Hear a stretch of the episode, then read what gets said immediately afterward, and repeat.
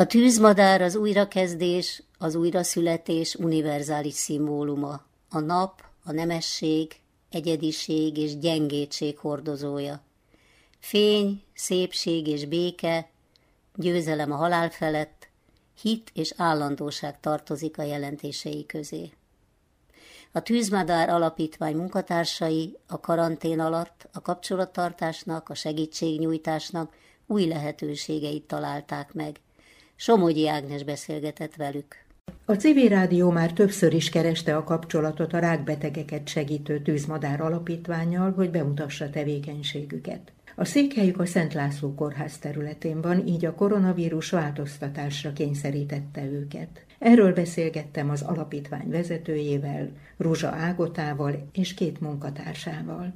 Amikor már egyértelmű volt, hogy Szent László kórház ebben a Covid vírusban a legfontosabb szerepet játsza, akkor bezárt. Számomra egyértelmű volt, hogy átállunk az online-ra. Az interneten keresztül történő szervezés, meg munka, meg beszélések, azokban elég nagy jártasságom van. Úgyhogy én gyorsan belekezdtem a Zoom-ba, mert valamennyire ismertem. Egy hét alatt minden vált, és a Facebookot azonnal kiterjesztettük, hírlevél ment ki, a linkek, de hát azért nagyon sok embernek meg kellett tanulni. Azt tudom, hogy az elején a családot mozgósították nagyon sokan. Tüszködtek ugye a komputerekkel, a hangminőséggel. Van egy önkéntesünk, egy nagyon kedves fiú, a Kovács Szilárd, a közben ugyan dolgozik, ért hozzá, és kiderült, hogy nagyon sok embernek segített. Majdnem mindenki a maga módján nagyon hamar kapcsolódott. Milyen foglalkozások tudtak beindulni?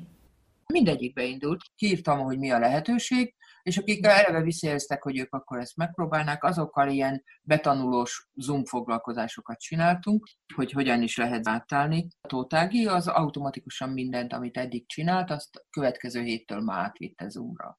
Egy kicsit konkretizáljuk, hogy ez mi is. Az azt jelenti, hogy van ugye a Tűzmadár Alapítványnál ez a mindfulness alapú rákbetegséggel való megküzdés program, az MBCR, ez a furcsa angol neve, ugye stressz csökkentés van, kognitív terápia van. Az elmúlt évek során nagyon sok ember végigjárta a kurzusokat.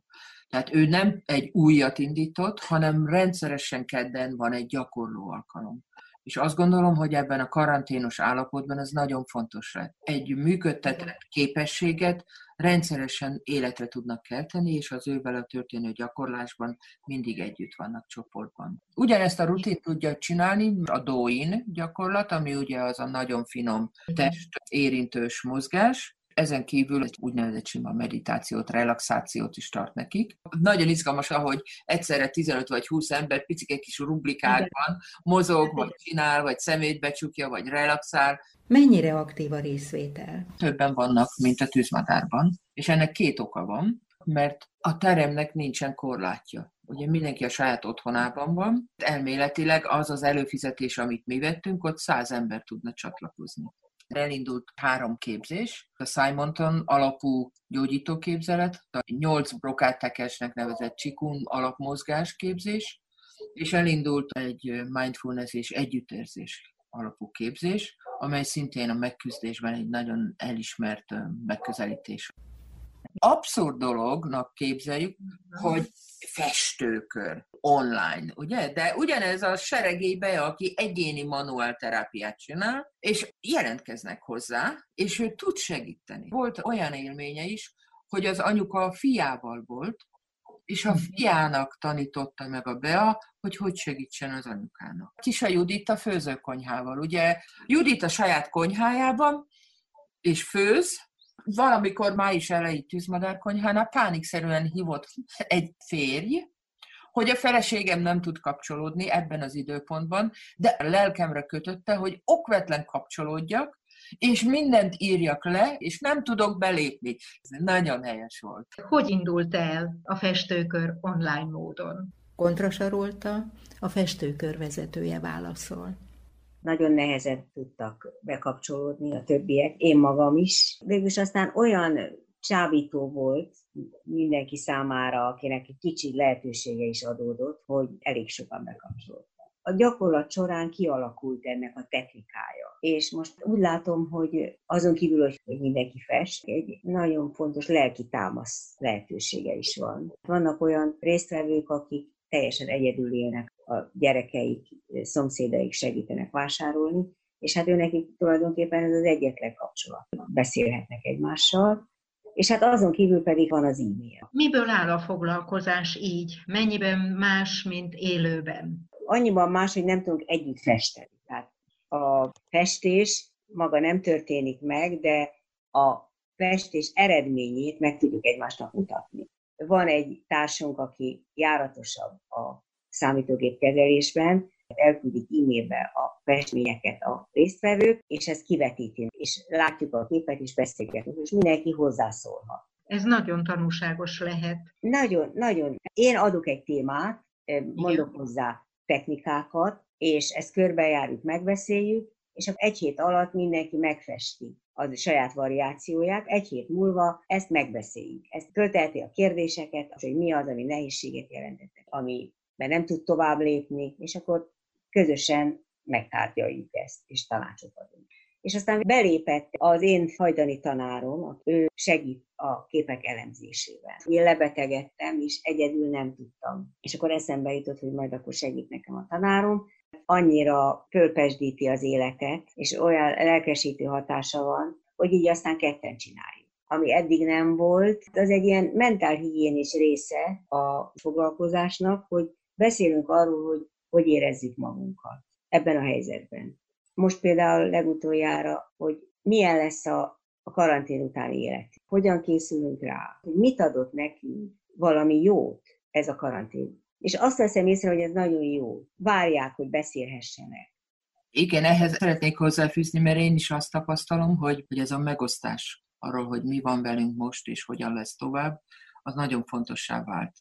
Boris Ilonától, a meseterápia vezetőjétől kérdezem, hogy milyen tapasztalatai vannak a jelenlegi foglalkozásain. Tartom mindenkivel a kapcsolatot gyakorlatilag. Hetente van egy zoomos összejövetelünk, heten nyolcan szoktunk lenni, úgyhogy itt tulajdonképpen több szinten folyik, mert én telefonon is tartom a kapcsolatot azokkal, akikkel másképp nem, e-mailbe is vannak, akik megkeresnek, a Facebookon megy a csetelés, illetőleg a Facebookon gyakorlatilag március 14-e óta majdnem nap mint nap tartalmat szolgáltatok, azaz leginkább tanmeséket, de, de valamiféle gondolatébresztő idézetek, ezt mindig fölrakok, és arról mindig folyik egy kis beszélgetés. És ezen kívül pedig a zoomos találkozásainknak, a valódi meseklubnak az anyagát azt mindig utána kirakom oda, hogy akik nem tudtak eljönni a Zoomba, azok is tudjanak valamilyen szinten kapcsolódni hozzá. Az a problémánk, hogy a csoportokban is idő volt, mire az emberek szívesen megnyíltak azokba a bizonyos mélységekbe, ahova a mese elvitte őket. Tehát a hmm. mese nem csak szórakoztatás, hanem egy mélyebb terápiás hatású dolog is tud lenni. Most gyakorlatilag azt mondanám, hogy a Zoomba a, talán a harmadik olyan foglalkozás volt, hogy már ez nyílik. De mindig egyre jobb. Azért úgy állítottam össze ennek a klubnak az anyagát, hogy tényleg be lehetett jönni kívülről is. Mindenki számára jól ismert meséknek nézzük meg a, az alulnézetét, első volt a Csimke Józsika, nem véletlenül. A második most a Holle anyó volt. A tegnapi nap folyamán szépen mindenki eljutott a maga karantén helyzetéhez. Igen, a mese pontosan leírja a mi helyzetünket. És akkor, amikor a mesébe felismerjük a mi helyzetünket, akkor megnyílnak már az emberek, és elmondják, hogy hogy érzik magukat a karanténban, és hogy mi fáj, és mire vágynak, és egyáltalán hogy képzelik a kijöveteltényét, és mindent. Tehát akkor már nagyon nyitottak lesznek. És ugyanezt látom a zumbánál, a gyógytornánál, a doin foglalkozásoknál, csikon mozgásnál, manuálterápián nem csak budapestiek csatlakoztak. Így van. Szegedről, Pécsről, Tatabányáról, Komáromról, a Szentendréről, tehát több helyről is, még Londonból is valaki. Magyar, magyar személy, aki most éppen Londonban van, de beteg és szüksége van erre a támogatásra. Nem csak terápiát, kurzusokat szerveznek a Zoom segítségével, hanem így emlékeznek meg az egy éve elhunyt alapító vezetőről,